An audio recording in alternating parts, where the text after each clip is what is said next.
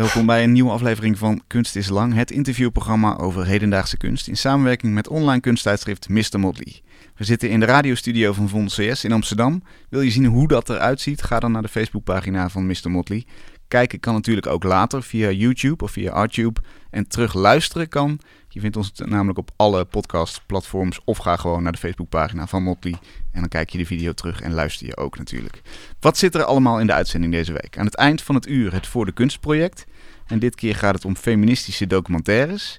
Voor mij heeft kunstenaar Danielle Lemaire al haar penselen en potloden uitgestald. Zij gaat tekenen, visueel reageren op het gesprek dat ik heb met Bettine van Manen, want die is mijn hoofdgast. Haar foto's zitten in collecties van musea over de hele wereld en worden geprezen om hun intieme karakter. Bettine reist voor haar projecten naar verschillende landen en leeft een tijd met de bevolking mee om een dagelijks leven vast te leggen en gaat vaak ook nog terug. Het bracht haar naar het oosten van de Verenigde Staten, naar Rusland, naar China, naar Ierland en op haar allereerste reis in 1975 naar Budapest. Haar foto's zijn eerder snapshots dan zorgvuldig uitgedachte kunstfoto's. En dat kan wel kloppen, want ze zijn genomen met de normale consumentencamera's die wij meenemen naar het strand of naar een stedentripje. En die doen volledig automatisch hun werk. Bettine, welkom. Ja. Leuk dat je er bent. Hallo. De, er zijn cursussen fotografie, vakopleidingen, warenhuizen met allemaal lenzen, gadgets, accessoires. Jij laat het allemaal links liggen en je zegt: Ik werk gewoon met een consumentencamera. Waarom? Um, ja, dat is eigenlijk gekomen omdat ik uh, een, een, fan ben van Robert Frank. Dat is een Amerikaanse fotograaf die een boek heeft gemaakt, die Amerika is in de 50er jaren.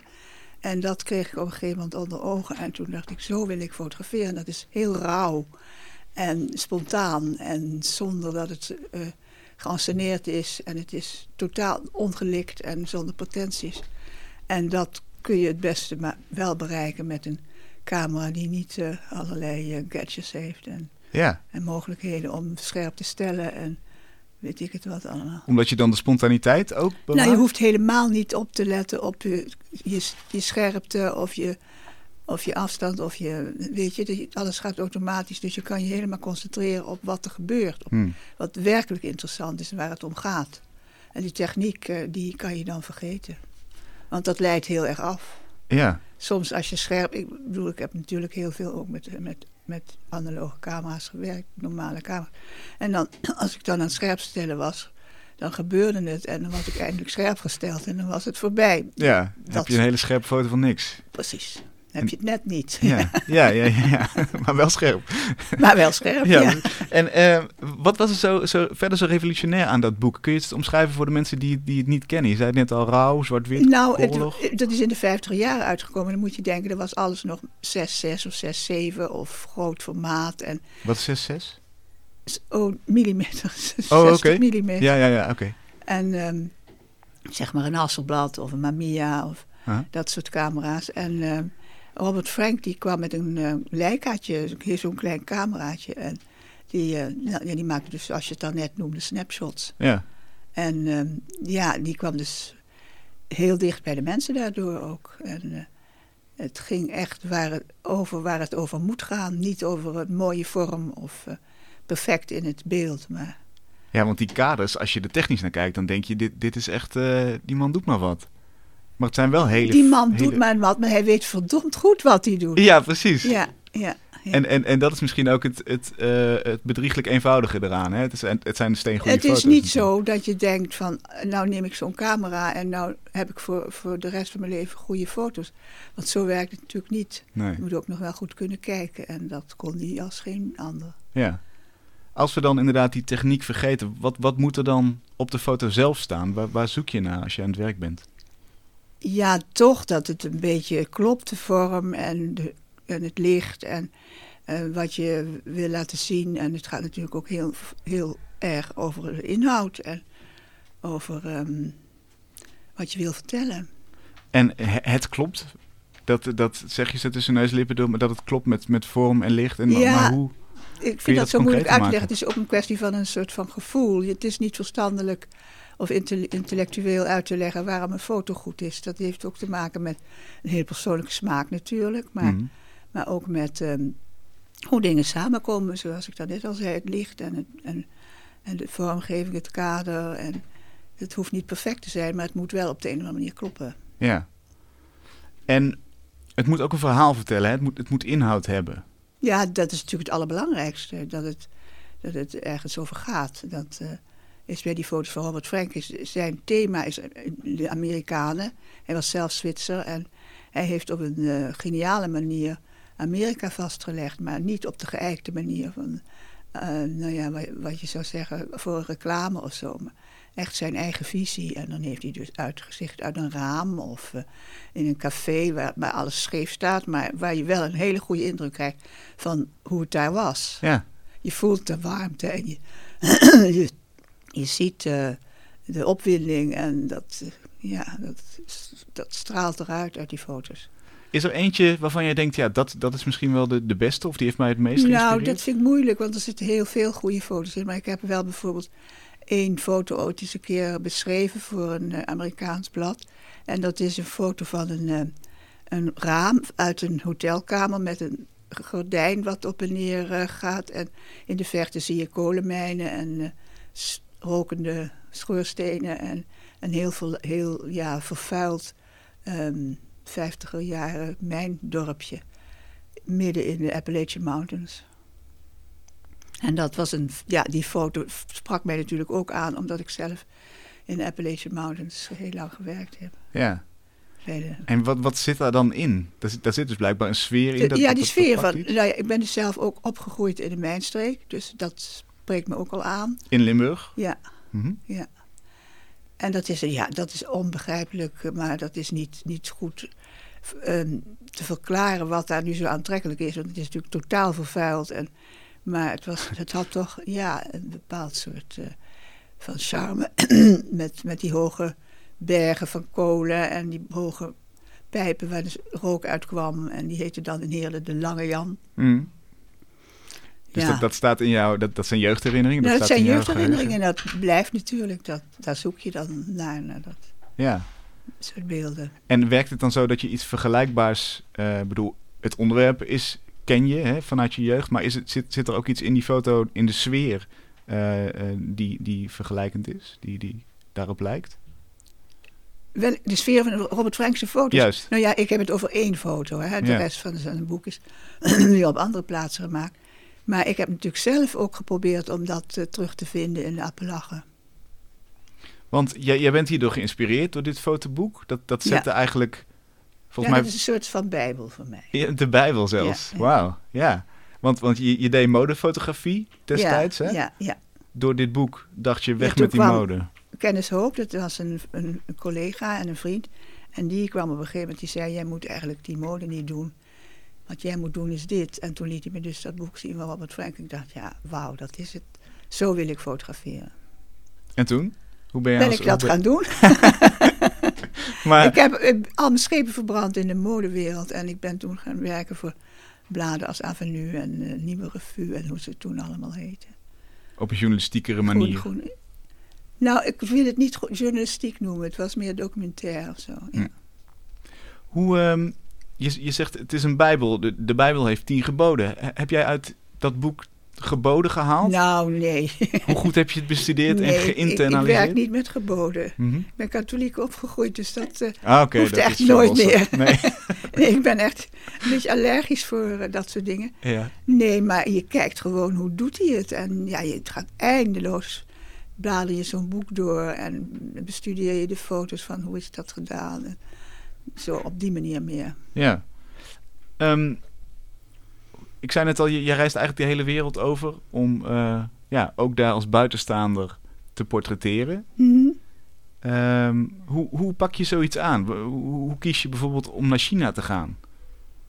Ja, nou, Rusland was helemaal mijn eigen keuze en dat wilde ik al heel lang. En toen ik dat klaar had, toen viel ik in een soort van gat.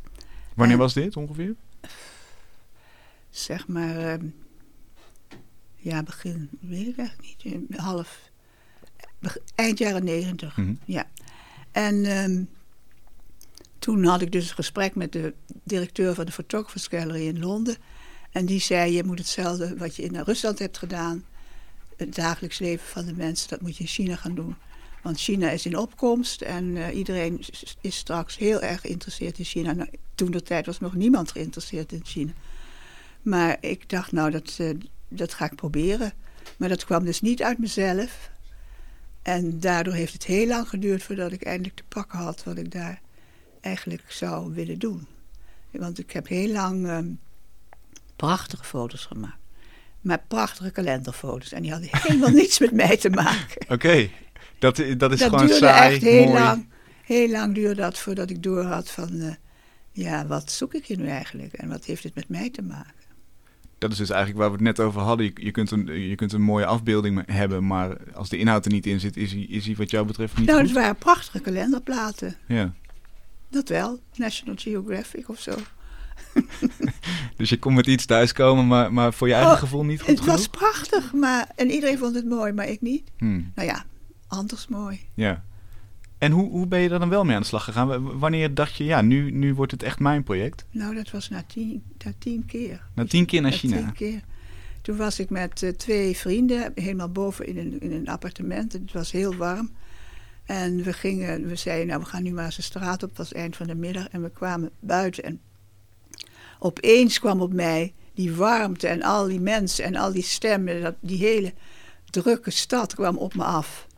En toen dacht ik, wauw, ja, dat is wat ik wil eh, laten zien. En vanaf dat moment ging het echt als een mitrailleur. De ene goede foto naar de andere. Het was echt fantastisch. Om, echt meteen. Ik weet nog dat ik toen ook naar dat eh, kleine, ehm, eh, hoe noem je dat? eh, ehm, een bioscoopje ging. Ja. Zo'n zondagsbioscoopje waar ze dus 24 uur lang films lieten zien. En dat is een van de eerste foto's in het boek. Hmm. En nou ja, dat is dus een prachtig shot. En dat ging maar door. En dat gevoel moest het ook hebben. Die over, dat overweldigende van Peking, neem ik aan dat je toen was? Of waar was je? Nee, ik was in, ehm, ik was in, het, in, in het midden, in Chongqing. Oké. Eh, toen dacht je pas, ja, dit, nu, nu voel ik Nu het. voel ik wat ik wil laten zien en waar het over moet gaan. En ja, Oké, en, en inderdaad, dan ga je op zoek naar dingen waar die... die... nou, je blijft dat gevoel, probeert, probeert dat gevoel te houden en van daaruit te fotograferen. En dus niet meer de geëikte klassieke foto's te maken, maar iets wat bij dat past. Ja, en hoe, hoe leidt dat gevoel jou dan? Dat, want ik, ik, ik ben zelf geen fotograaf, dus ik ben heel benieuwd hoe, hoe jij op het spoor van die onderwerpen komt. Is dat een Gewoon onderbuikgevoel? rondlopen, kijken en nieuwsgierig zijn. Mhm. en, eh, en heel intensief eh, kijken. En dan 24 uur per dag mee bezig zijn. Dus echt, eh, het moet je niet loslaten. Het, echt, het is ook doodvermoeiend. Maar lijkt wel me heel ook. leuk. Dus altijd aanstaan, als het ware. Ja, zelfs s'nachts. Ja. Als je met mensen in hun kamer slaapt en er gebeurt wat. Meteen die camera. En dan kan ik me ook voorstellen dat, dat mensen denken van... nou, eh, als ik s'nachts gefotografeerd word, dan... dan... Ja, maar je maakt wel een soort afspraak natuurlijk van tevoren. Ik ga niet mensen fotograferen terwijl ze er geen zin in hebben. Nee, oké. Nee, dat was niet eh, goed dan. Ook dan. Dan kan ik ook niet fotograferen. Nee. Is het ook nog noodzakelijk dat er, dat er iets van jou in die foto's komt? Nou, dat is juist wat ik probeerde uit te leggen. Dat ik, totdat ik na die, voor die tiende keer fotografeerde, had het echt niks met mij te maken. Het was Mhm. echt mooie foto's van China, maar niet iets wat over mij ging. Maar daarna wel. Ja, daarna wel. Hoe? Hoe zie je dat dan in die foto's, dat jij daarin zit? Ja, jeetje. Ehm, dat weet ik niet. Dat voel ik. Dat zie ik eh, aan hoe de, de kracht van die foto, wat die uitstraalt. En eh, ehm, of mensen dat herkennen ook. Hm? Dat is ook heel belangrijk en dat is meestal dan zo. En er moet ook een bepaald soort tragiek in zitten en een dramatiek en eh, ehm, iets wat, ehm, wat mij bezighoudt. Maar dat kan ik niet zo precies beschrijven. Dan moet je naar die foto's kijken. Ja. Ik denk die foto's meer zeggen dan wat ik daar in woorden van kan vertellen.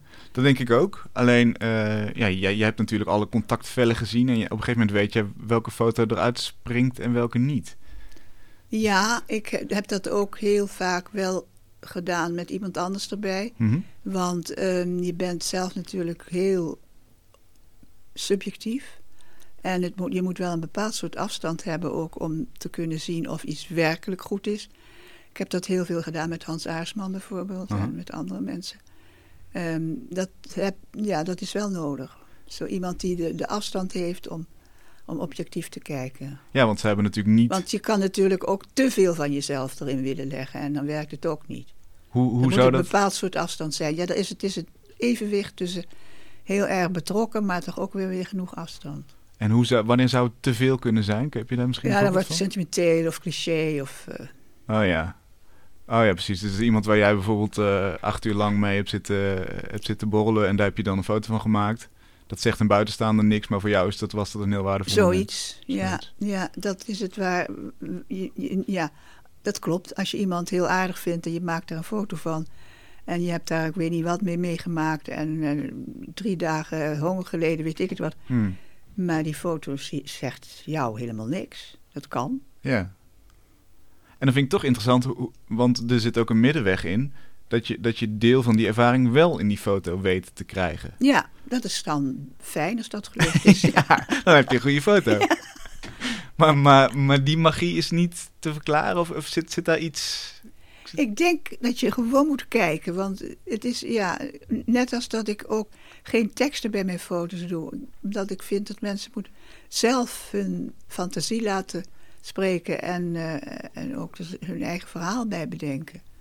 En als je die, dat gaat invullen voor mensen, dan is die magie weg, denk ik ook. Ja. Nee, zeker. Alleen ik, ik zoek naar, naar een beetje naar wat, wat dan een goede foto is. Je, je, jij kijkt terug op decennia lang fotograferen. Dus Ja, maar wat is een goede foto? Dat is zo subjectief ook weer persoonlijk. En eh, de een vindt, dat is ook het lastige als je het aan, andere, aan verschillende mensen laat zien.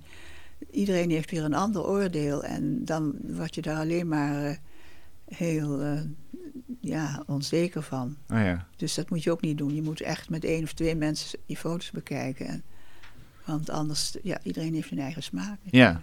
Dat, jij hebt dat ook gedaan voor je eerste reis naar Hongarije, naar Budapest was dat, ruim 40 jaar geleden, hè, in 1975. Mhm. Ehm, en van dat project heb je afgelopen jaar een fotoboek uitgebracht, I Will Be Wolf. Ja. Ehm, wat wilde je, om daarmee te beginnen, 40 jaar geleden laten zien met dat project? Dat was mijn allereerste reis. Dat ik, ja, ik had heel erg de urge om te gaan reizen. En dat was de eerste keer. Ik vond het echt fantastisch. Ik was echt helemaal in mijn nopjes daar. En ik- hoewel ik de taal niet sprak, niets wist van de cultuur, zo naïef was ik, ik weet niet wat. Mhm. Maar ik vond het fantastisch. Wat was er zo en ik heb aan één stuk doorlopen fotograferen. Ja, wat was er fantastisch aan? Dat het allemaal zo anders was. Een hele andere wereld. Totaal. eh, ja, moet je even denken, Budapest in de, in de 70 jaar was natuurlijk onder het Sovjetregime nog. Achter het ijzeren gordijn nog. En als je die foto's bekijkt, lijkt het wel of je in de 50 jaren rondloopt. Ja. Ja, achter het ijzeren gordijn. En mensen waren allemaal ja, toch een beetje moedeloos en eh, troost, troostloos. En eh, niet zo blij. Mhm. En dat trok me ook wel aan. ja, dat levert ook goede foto's op. Nou, dat weet ik niet, maar ik, ik heb wel een soort van hang naar eh, dat soort melancholische beelden, denk ik. Ja. En het feit dat het helemaal nieuw is. eh, Nou, nieuw voor mij, ja. ja? Ja, bedoel, dat voedt je nieuwsgierigheid natuurlijk. Ja. Want ik ben heel nieuwsgierig. Dat moet je ook zijn. Ja. Ehm, vervolgens moet daar natuurlijk een, een, een, een fotoboek of een tentoonstelling uit ontstaan. Weet je nog wat, wat toen jouw selectie was? Wat, wat, waarvan, waarvan je toen Ik dacht... heb toen een selectie gemaakt, ja, maar er is niet zoveel meer gebeurd. Het is een keer in Parijs gehangen en, en verder. Ja, en in Street Life heeft het gestaan. Dat was een van de eerste bladen die foto's lieten zien. Mhm. Een Engels tijdschrift. Maar verder eh, is daar nooit iets mee gebeurd. Het heeft in dozen gezeten. En dat vertelde ik op een gegeven moment aan Stephen Gill. Engelse fotograaf? Engelse fotograaf, hele goede fotograaf. Onthoud die naam, Stephen Gill. Mhm. En ehm, die heeft ook al een boek gemaakt van eh, foto's die niet. Ik heb in Rusland een fotoboek gemaakt, dat heet 100 Summers, 100 Winters. En de foto's die daar niet in zijn gekomen, die toch erg de moeite waard waren, daar heeft Steven nog een boekje van gemaakt. Dat heet Let's Sit Down Before We Go. en nou ja, toen op een gegeven moment, hij is dus ook een vriend.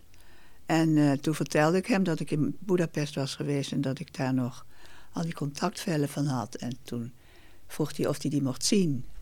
En die heeft hij toen bekeken en toen wilde hij daar heel graag een boek van maken. Welke selectie heeft hij gemaakt? Hoe, hoe, hoe verschilde die van de selectie die jij ooit hebt gemaakt? Oh, toen? dat is een hele andere selectie, ja.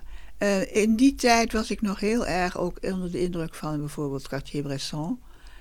En eh, dat, ja, dat was toen echt, die man was toen ontzettend in de mode. Dat, eh, Wat maakte die voor foto's? Omschrijf het eens. ja, dat was echt, die, die had zo'n uitdrukking van dat het op, op dat moment moest het gebeuren. En ehm, ik weet het niet, het was, het zat allemaal precies in elkaar zoals het in elkaar moest zitten. Het was een beetje te keurig netjes allemaal. En eh, daarom, Robert Frank was daar een soort van tegenstelling van. Mhm. En, ehm, nou, en, en ehm, Steven heeft dus meer de Robert Frank-achtige foto's eruit gehaald. En ik heb, toen ik in, in de 70 jaren die selectie maakte, was ook wel een beetje braver meer. Oh ja, toen was je nog, zat je nog in het fotografie Ja, het is ook een ontwikkeling die je doormaakt natuurlijk. Mhm. Ja. En ehm, zit, zitten daar ook bijvoorbeeld foutjes in? Zitten daar, daar overbelichtingen in die het juist charmanter maken? Wat, eh, omschrijf eens welke selectie hij heeft toegepast. Ja, nou, Steven begrijpt heel goed wat ik mooi vind. En ik vind heel erg, begrijp heel goed wat hij mooi vindt. We hebben bepaald dezelfde smaak. En dat is eh, totaal niet perfect. En eh, dat er inderdaad iets van een hand opeens in het beeld komt. Of een, een, een hoofd niet te scherp is of, of onderbelicht of zo. Dat kan het ook heel spannend maken. Het gaat er niet om dat je iets eh, perfect in beeld brengt. Maar, want dan is het journalistiek. Maar Mhm. het gaat om iets verder gaan en daar overheen stappen. Zou, je- zou je er eens eentje die in je hoofd zit kunnen beschrijven en, en, en uitleggen hoe zo'n eh, hoe zo'n foutje in, in het voordeel werkt eigenlijk van zo'n foto? Eh, van die Budapest-foto's. Mhm. Oh, dan moet ik even denken. Dat heb ik niet zo erg. Ik kan het wel van Let's Sit Down Before Me Go. Daar hebben we dus in het begin... eh, is een, ehm, een vrouw en die houdt een baby vast. En die baby die, die zie je bijna niet. Het hoofdje is on- onduidelijk. Die moet gedoopt worden, geloof ik. Of Ja. Is dat wat er gaande is? Nou, dat is, ja. En, en, maar je ziet dus, ja, het is echt expres tegengehouden en eh, een beetje onscherp en overbelicht. En, Een hele mooie, mysterieuze vlek eigenlijk. In ja, en dat, ja, dat werkt wel. Ja. ja, want dan gaat het ook niet meer over de perfecte foto, maar dan gaat het over iets anders. Een, een, een mooi beeld of zo. Ja. Het is bijna kunst, zeg maar. ja? Nou, laten we het vooral kunst noemen, toch? Dat, Ja, daar ben ik altijd een beetje huiverig voor, maar ja, die kant gaat het wel op. Ja. die- ja, het begint er verdomd veel op te lijken. ja. Ehm, ook omdat het minder letterlijk wordt. Nou, dat is het, ja, dat is echt heel eh, goed geraakt, ja. En is dat ook iets wat je bij het fotograferen al, waar jij bij het fotograferen al bewust van bent? Dat je die beelden wilt nou, hebben? dat ben ik steeds beter gaan doen, ja. In het begin was ik natuurlijk, je moet niet vergeten, ik kwam uit de modewereld. Daar moet natuurlijk alles perfect zijn.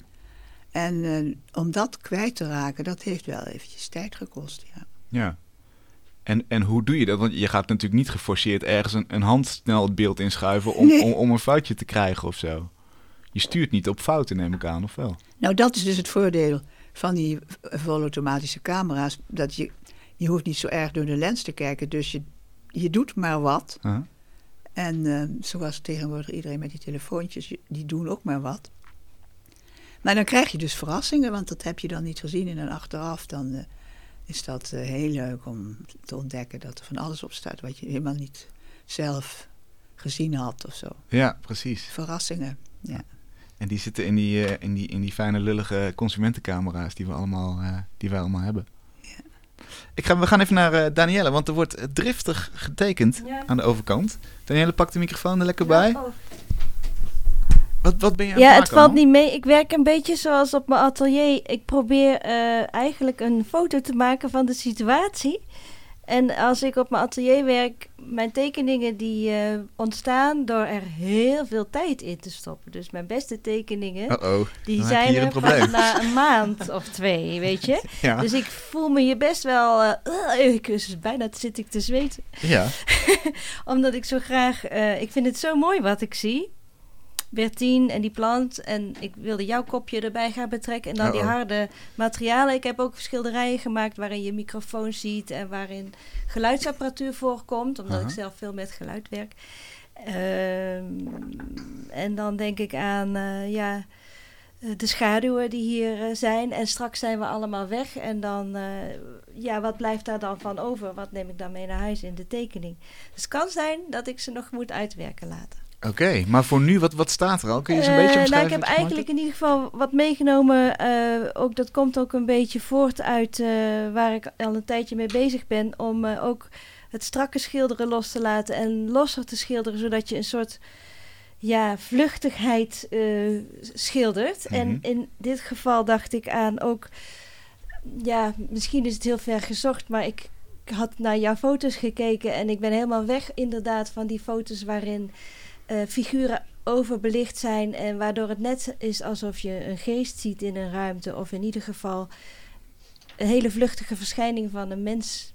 En eh, die mens die, eh, ja, die is er alleen op dat moment. Dus die, die foto die is zo veelzeggend.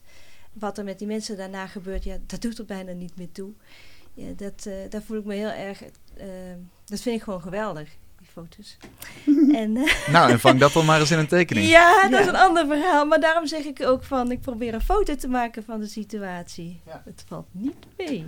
Ga lekker door, we Ja. komen straks weer bij je Soms terug. maak ik een aantekening, want dan moet ik dan... Heb ik het goed geschreven? Bert, Stephen Gill? Steven Gill. Ja, en iets met dat- een F. Steven Gill, je kan het Oh, altijd want dat moet ik terugluisteren. dan later nazoeken. En zo gaat het op mijn atelier ook. Ik maak altijd aantekeningen van wat ik op de radio hoor. En dan PH. kan ik Ah, daar ja. ook weer wat mee. Niet met een F, met PH. Het is ja, met natuurlijk. Ja. Steven, Stephen, Staat, Stephen. staat genoteerd. Je luistert naar Kunst is Lang met fotograaf Bertien van Manen. Bertien, wat, wat vind je eigenlijk van de kracht van fotografie? Om maar eens gewoon een hele, hele open vraag te stellen. Hoe zou jij de kracht van fotografie formuleren? Ik begrijp de, vraag niet zo erg. Wat bedoel je? Nou, de, de, de, de, je, hebt, je hebt de kracht van schilderkunst of de, de, de kracht van een medium. De kracht van het medium fotografie. Nou ja, ik, ik weet het echt niet. Ehm, het, moet, het kan mensen op een andere gedachte brengen. En, eh, maar ik, weet, ik begrijp niet precies wat je bedoelt. Waar, laat ik het zo vragen, waarom, waarom heb je voor fotografie gekozen? Waarom, waarom niet schilderen of films maken? Of... Oh, schilderen kan ik niet. Ja, het zijn allemaal praktische... Films maken heb ik nooit geprobeerd. En fotograferen is... eh, ja, het, het voordeel van fotograferen is dat je het in je eentje kan doen. Hm. Je kan gewoon met je camera en een paar, eh, ja, een paar eh, ondergoedjes, hoe noem je dat? Kleren. Ja, kan je op stap gaan en, en je gaat waar je wil. ja. En je hebt met niemand anders te maken. En dat is dus heel prettig daaraan. Maar ja, of dat de kracht van fotografie is. het is in ieder geval wat mij dat eh, in aantrekt. Ja. Ehm, en, en wat je dan doet, eigenlijk is het, het alledaagse leven vastleggen, hè? vaak Mhm. in het buitenland.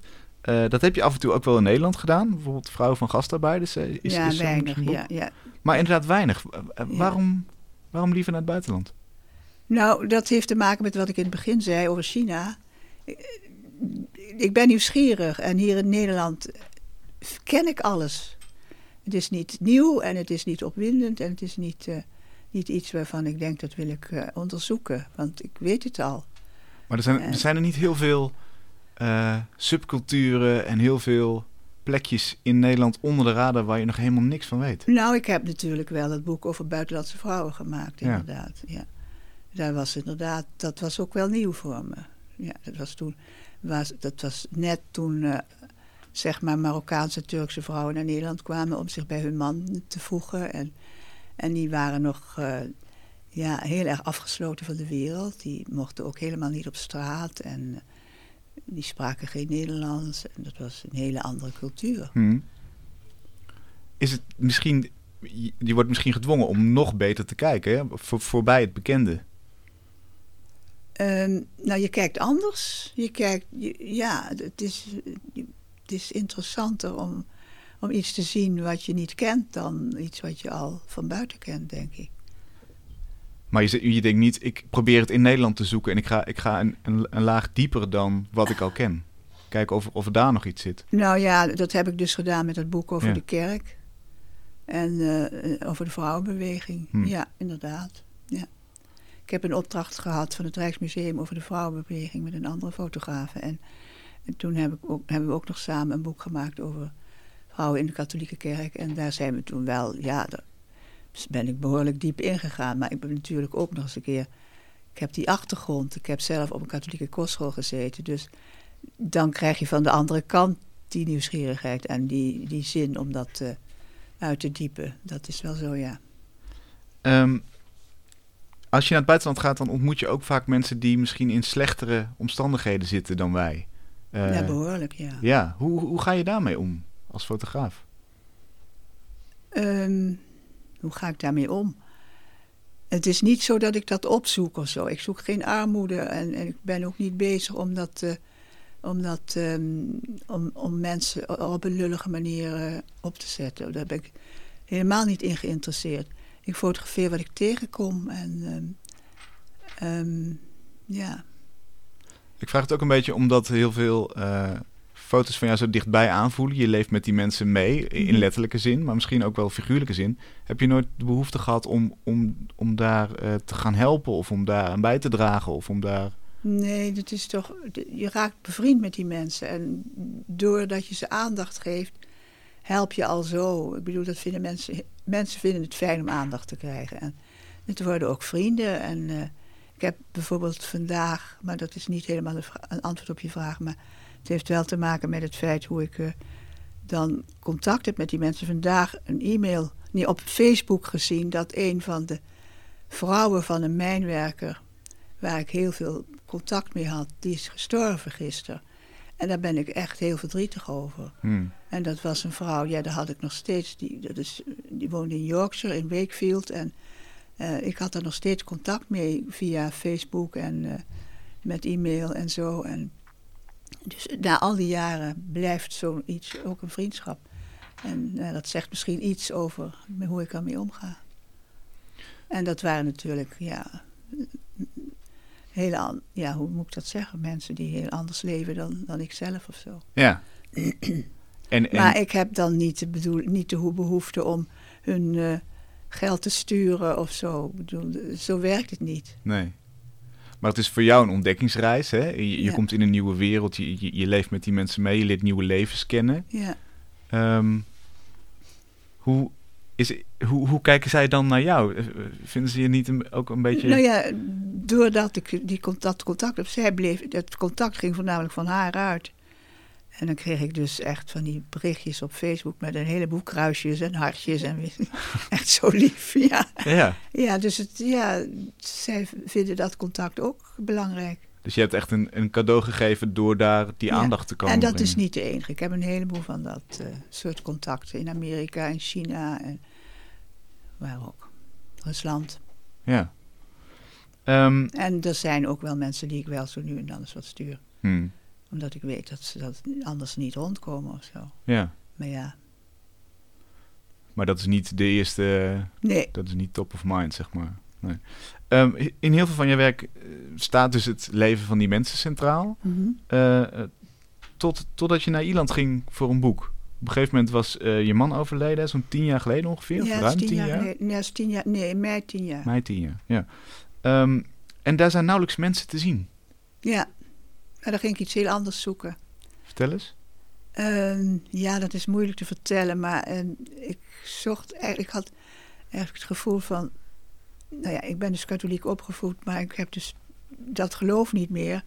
En dan val je in een soort gat en dan gaat, ja, gaat je man dood en dan denk je, waar is die nou? Hmm. Waar is hij gebleven? Dat, dat is het soort van, ja, van, um, van, mysterie, van mysterie. En nou ja, dat probeerde ik op de een of andere manier uh, achter te komen en, en uit te vinden. En, om daar te gaan fotograferen. En hoe doe je dat dan aan de hand van die foto's? Hoe, hoe, hoe ga je te werk? Nou ja, ik ben dus naar West-Ierland gegaan en daar is, heb je dus het absolute niets. Daar heb je de Atl Atlantische Oceaan en verder is er niks. En daarachter moet dan iets zitten waarvan je denkt, nou, ja, Atlantis, weet ik het wat daar zit. Mm. En het, um, ja, grote mysterie. En, en dat zit achter de leegte, dus als je... Ja, dat, het is een gevoel. Ja. Dus als je die leegte Maar het fotografeert... wordt zo zweverig op deze manier.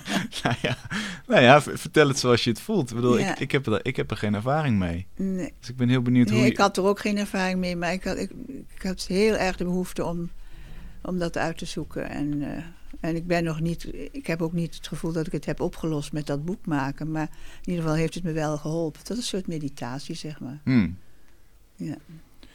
Is het dan zo dat je nog bewuster eh, kijkt naar wat je fotografeert als je, als je met die insteek op reis gaat? Nou, anders. Ja, je bent niet, niet bezig om. Kijk, mensen fotograferen, dat neigt toch altijd een heel klein beetje naar anekdotisch. En dat was ik dus helemaal kwijt. Ja. Dat had ik dus helemaal niet in Ierland. En dat was een bevrijding. Weet je wat ook heel fijn was? Dat ik niet de hele tijd het gevoel had van... oh god, misschien vinden ze het wel niet prettig. En ik moet vragen of ze het goed vinden dat je met niemand te maken hebt. Dat je gewoon kan fotograferen wat je tegenkomt. En ik voelde me heel vrij. Ik vond het heerlijk. ja, die wolken vonden het prima allemaal natuurlijk. Hè? Die wolken vonden het prima Die wolken vonden het prima. Ja. En die schaapjes ook, ja. die, die klagen ook niet. En eh, heb je ergens het idee, eh, als je dan inderdaad die contactvellen weer terugziet, van hé, hey, hier zit echt iets. Hier, zit- hier zit iets in van hem misschien? Ja, van hem, dat weet ik niet. Maar wel iets waar, van dat mystieke wat ik zocht. En dat, ehm, dat on, ja, onduidelijke, eh, vage, een andere wereld. Waarvan je het gevoel hebt, die, die, dat moet een andere wereld zijn. Maar ja, daar heb je geen bewijs voor. Dat is iets wat je hoopt dat het zo is. Ja. Nou ja, eh, eh, misschien geen sluitend bewijs, maar als je echt zo'n foto ziet waarop je, waarvan je denkt, ja, hier zit het mystieke in. Ja. Dat zou Ik- als bewijs kunnen aanvoelen, toch? Ja, het, nou ja, ik weet het niet. Het is, voor mij was het heel moeilijk het moment dat ik niet meer geloofde. Dan ben je opeens ben je een houva- houvast kwijt en dan val je in een soort zwart gat. En dan blijf je dus zoeken naar een soort surrogaat daarvan. Wanneer was dat? Ja, dat was toen ik eh, begin twintig of zo. Ja, oké. Eind tiener leeftijd. Maar je blijft zoeken naar een vervanging daarvoor. Nou ja, je bent wel iets, er is iets weg waar je een heleboel steun aan had. Mhm. En, en daar blijf je naar zoeken. Ja, tenminste niet altijd bewust en ook niet altijd, maar dat komt soms terug. Bij mij althans. Ja. En hoe ver komt die fotografie daarin? In, in het vervangen van dat... Ja, nou ja, door dat soort beelden te maken die ik gemaakt heb, die in dat boek staan. Zeg maar over de- van de zee en van, eh, ja. Maar komt het halverwege? Komt het in de buurt? Is maar er het... komt dus ook een, eh, een hele vreselijke foto van een lam dat is gepikt in zijn ogen en zijn eh, ingewanden eruit. Dat heeft er ook mee te maken. Het is ook afschuwelijk. Ja, dat, dat vind je daar op dat eiland, hè? Dus er zitten meer dode dieren in. Eh, Ja. om, omschrijf die foto eens. Nou ja, er ligt een lammetje, een heel lief lammetje, maar dat is dus met een grote wond in zijn, eh, in zijn, in zijn hartstreken en zijn longen en zijn ogen zijn eruit gepikt. En dus ehm, En waarom moest dat erin? Ja, dat moest erin.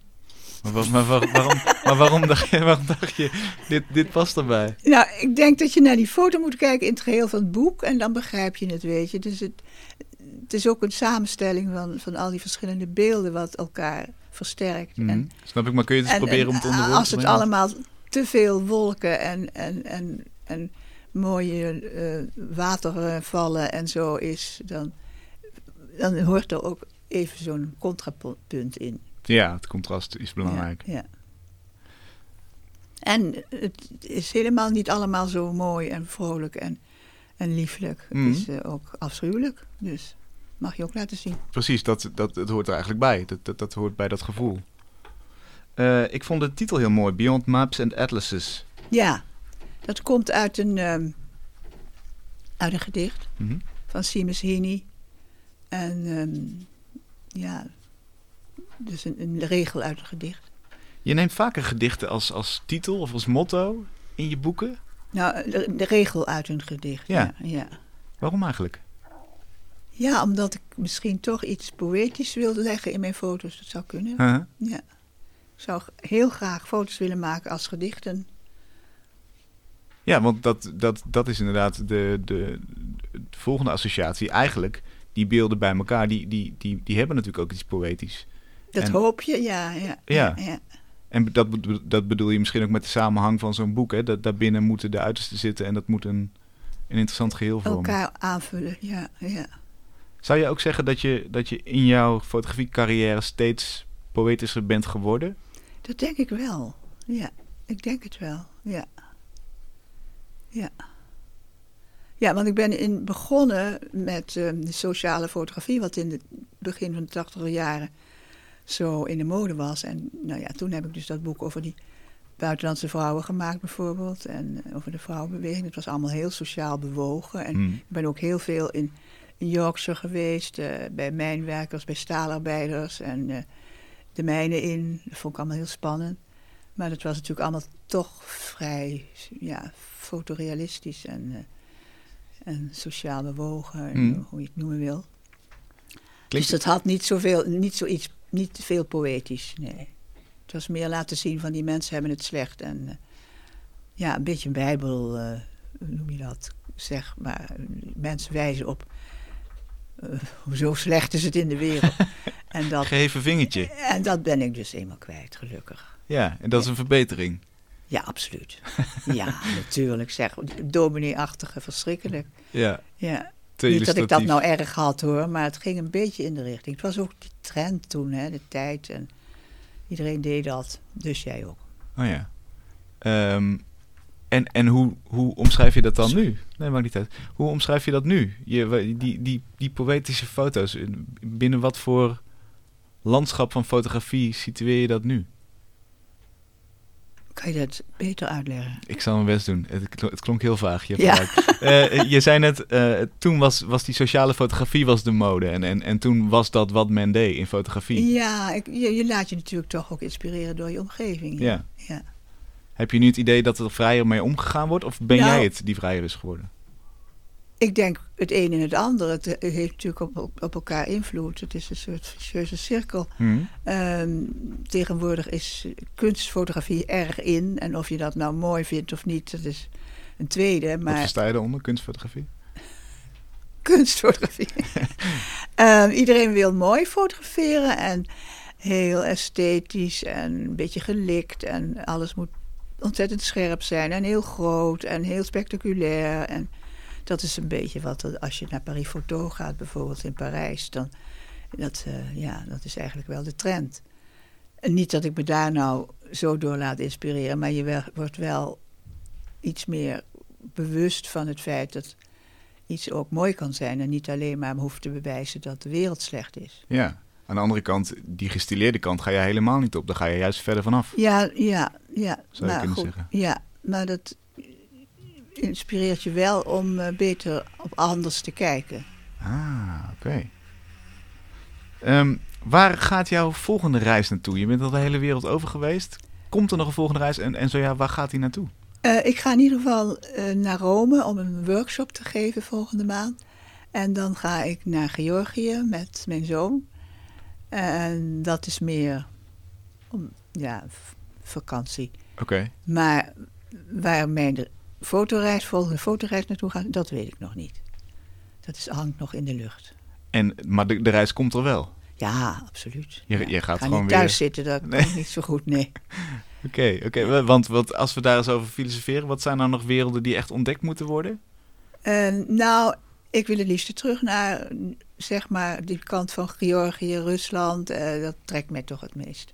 Dat is echt eh, ja, iets, het deel van de wereld waar ik het meest in geïnteresseerd ben. Waarom eigenlijk? Dat is ook weer een soort van gevoel, eh, dat weet ik niet. Ik, ik heb dat eigenlijk eh, heel lang al en daarom ben ik ook naar Rusland gegaan. Het kan te maken hebben met het feit dat ik ehm Russische familie heb. Vroeger eh, bij mijn grootvader kwamen altijd Poolse neven en dat vond ik heel spannend. Misschien dat dat ermee te maken heeft, dat weet ik niet. Ja. Dus toch heel veel, eh, dat, dat vind ik grappig als bijna een soort van rode draad door ons gesprek nu, dat, dat het steeds het persoonlijke leven eigenlijk jou in, in situaties duwt. En het Maar ge- doe dat dat niet bij iedereen? Ja, je kan natuurlijk zeggen, ik, ik kies heel rationeel voor een experiment wat, wat me helemaal niet, eh, Oh, ja. wat me niet, helemaal niet past of wat niet natuurlijk voor mij is. Nee.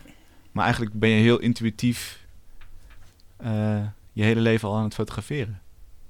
Ja, kan je zeggen. Ja, En klopt het ook, toch? Ja, wel. Ja. Ja. ja. want ik ben ook niet voor niks natuurlijk naar die katholieke kloosters en zo gegaan. Dat was natuurlijk ook mijn jeugd die terugkwam. Ja. Ja. Oké, nou, ik, ik hoor heel graag waar het, het, het voorgevoel je weer naartoe drijft voor de volgende reis. En als je resultaten hebt, Als kom eh, graag terug.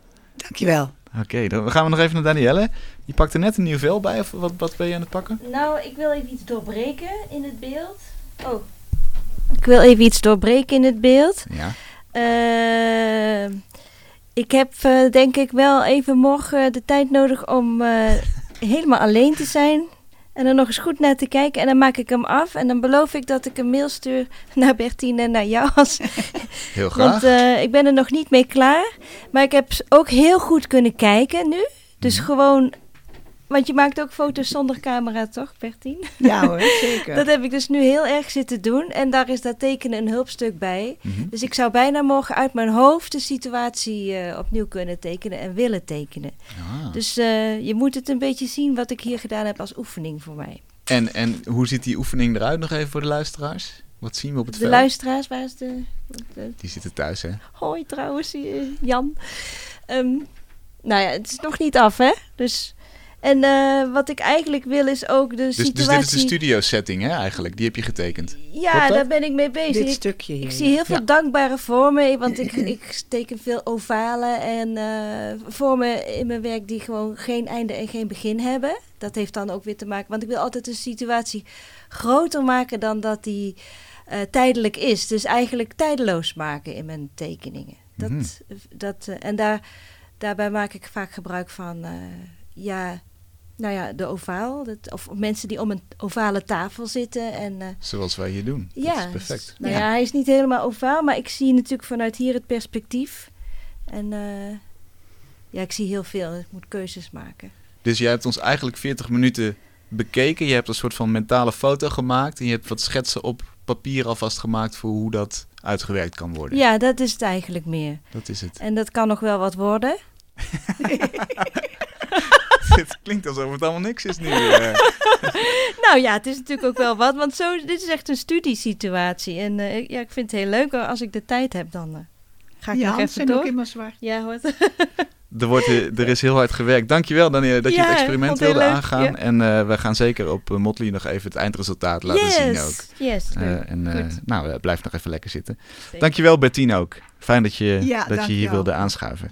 En dan gaan wij door met eh, onze partner voor de kunst. De crowdfund site waarop mooie projecten staan die gesteund kunnen worden via crowdfunding. En ehm, deze week schuift aan Emma Hogendoop van het Feminist Art Fest. Zij vinden de tijd om meer feministische documentaires te laten zien. Emma, welkom. Dankjewel. Om te beginnen, wat is het Feminist Art Fest? Wat is dat? Eh Feminist Artfest is een stichting. En ehm, we bestaan uit een groep van eh, jonge kunsthistorici en filosofen. En wat we doen is feministische evenementen organiseren in Amsterdam. En ehm, waar wij voor staan is dat wij merken dat er in de kunstwereld een heel eenzijdige kanon eigenlijk gepresenteerd wordt. Namelijk? En- namelijk eh, witte, cisgender, heteroseksuele mannen. Die vormen eigenlijk de, ja, de dominante groep in de kunstwereld. Mhm. En als resultaat daarvan ehm, merken wij in gesprekken die wij voeren met kunstenaars of eh, studenten van kunstacademies, dat zij zich niet herkennen in dit kanon. En dat dit een doorwerking heeft in hun verdere studie, maar ook in de representatie van kunstenaars eh, in de museale wereld of in de kunstwereld.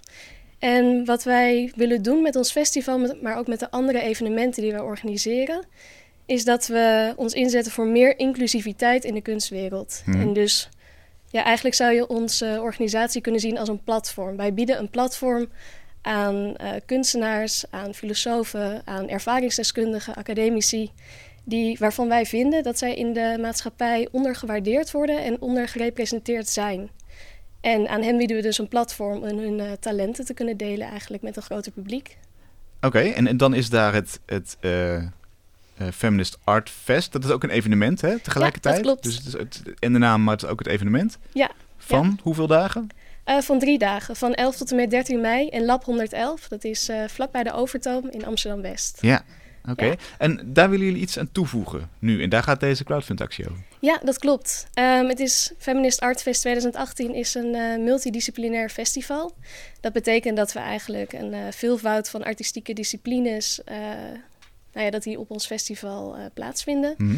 Zoals beeldende kunst is een tentoonstelling. Er zijn DJ's die komen optreden. Maar ehm, er zijn lezingen, debatten, workshops.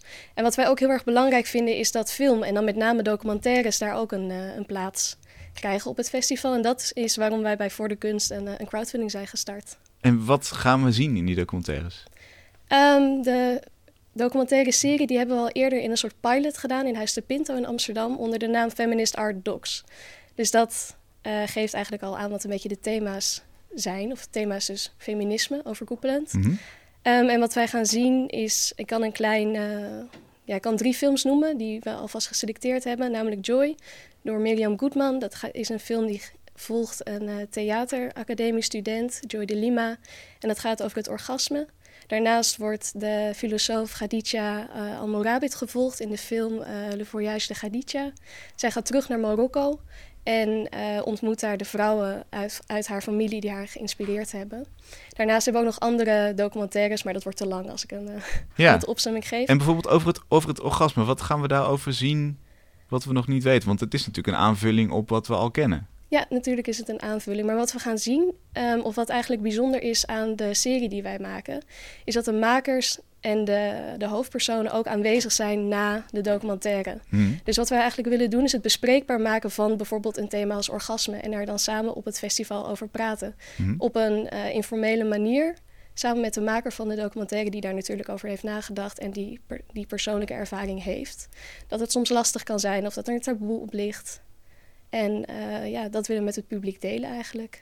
Oké, en dat zit ook al in die documentaire, dan neem ik aan. Hè? Dat, dat is helemaal daarop gericht ook. Ja, ja, dat is een heel intiem portret Ja. van Joy de Lima. Oké. Ehm, eh, nou, nou heet het feminist, maar het gaat dus ook over andere eh, groepen, an- andere, laten we zeggen, minderheden of, of andere dingen die buiten de kanon vallen.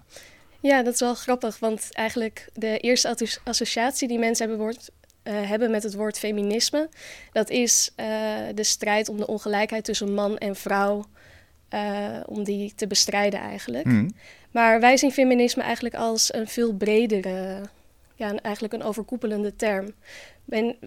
Je zou ons feminisme kunnen omschrijven als intersectioneel feminisme. Dit betekent ehm, eigenlijk dat wij niet, hoe omschrijf ik dat goed? Ehm, dat er eigenlijk een kruising is van verschillende onderdrukkende factoren.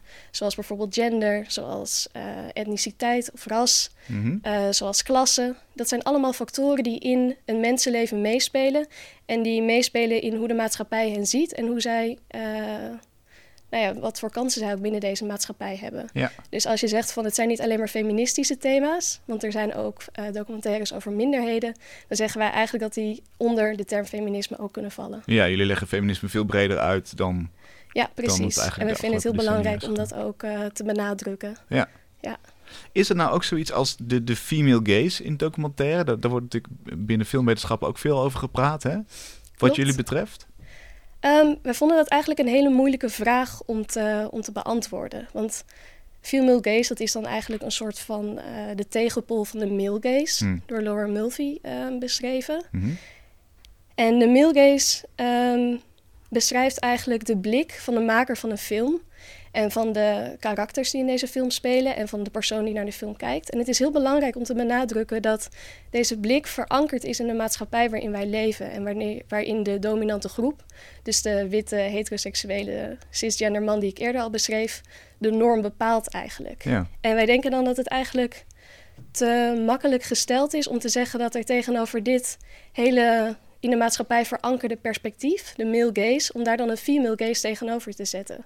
Want de female gaze die heeft eigenlijk niet die, eh, ja, die macht en het in de, in de maatschappij. Mhm. Dus ik denk wel dat het meespeelt in een documentaire door wie de documentaire is gemaakt. Als het een vrouw is of een, eh, of een man of een eh, gender non-conforming persoon.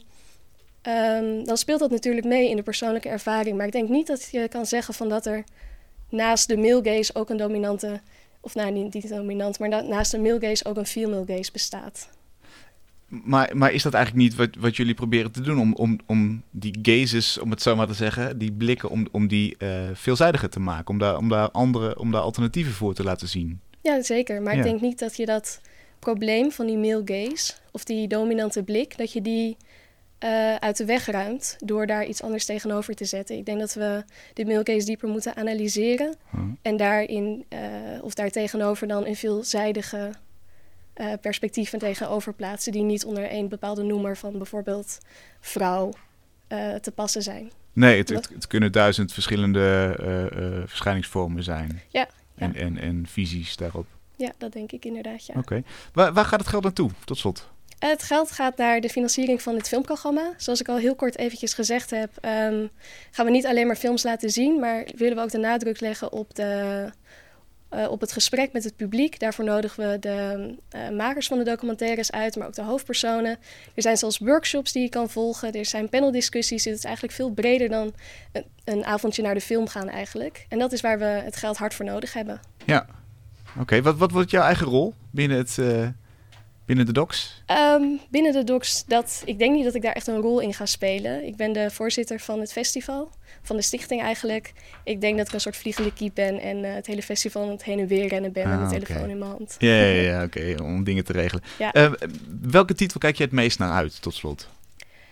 Um, ja, ik denk dat ik dat niet echt kan zeggen waar ik het meest naar uitkijk. Ik kijk eigenlijk het meest uit naar het festival als geheel welke mensen we kunnen ontvangen die naar, de, naar het festival toekomen. Mm. Wat voor ervaringen er gedeeld worden. Wat ik ook kan leren van mensen die het festival bezoeken. Dat is eigenlijk waar ik het meest naar uitzie. En niet een film, want die kan ik thuis ook kijken. Oké, precies. Maar de, de gedeelde ervaring en het, het inderdaad het iets, iets toevoegen en bij elkaar verbinding leggen. Ja, een netwerk creëren, dat is voor ons ontzettend belangrijk. Ja. Oké, dankjewel. Heel veel succes. Ja, hartelijk bedankt. Uh, zoek uh, Feminist Art Fest op voordekunst.nl op en dan kom je ongetwijfeld uh, bij jullie pagina. Dankjewel, veel succes. Dankjewel.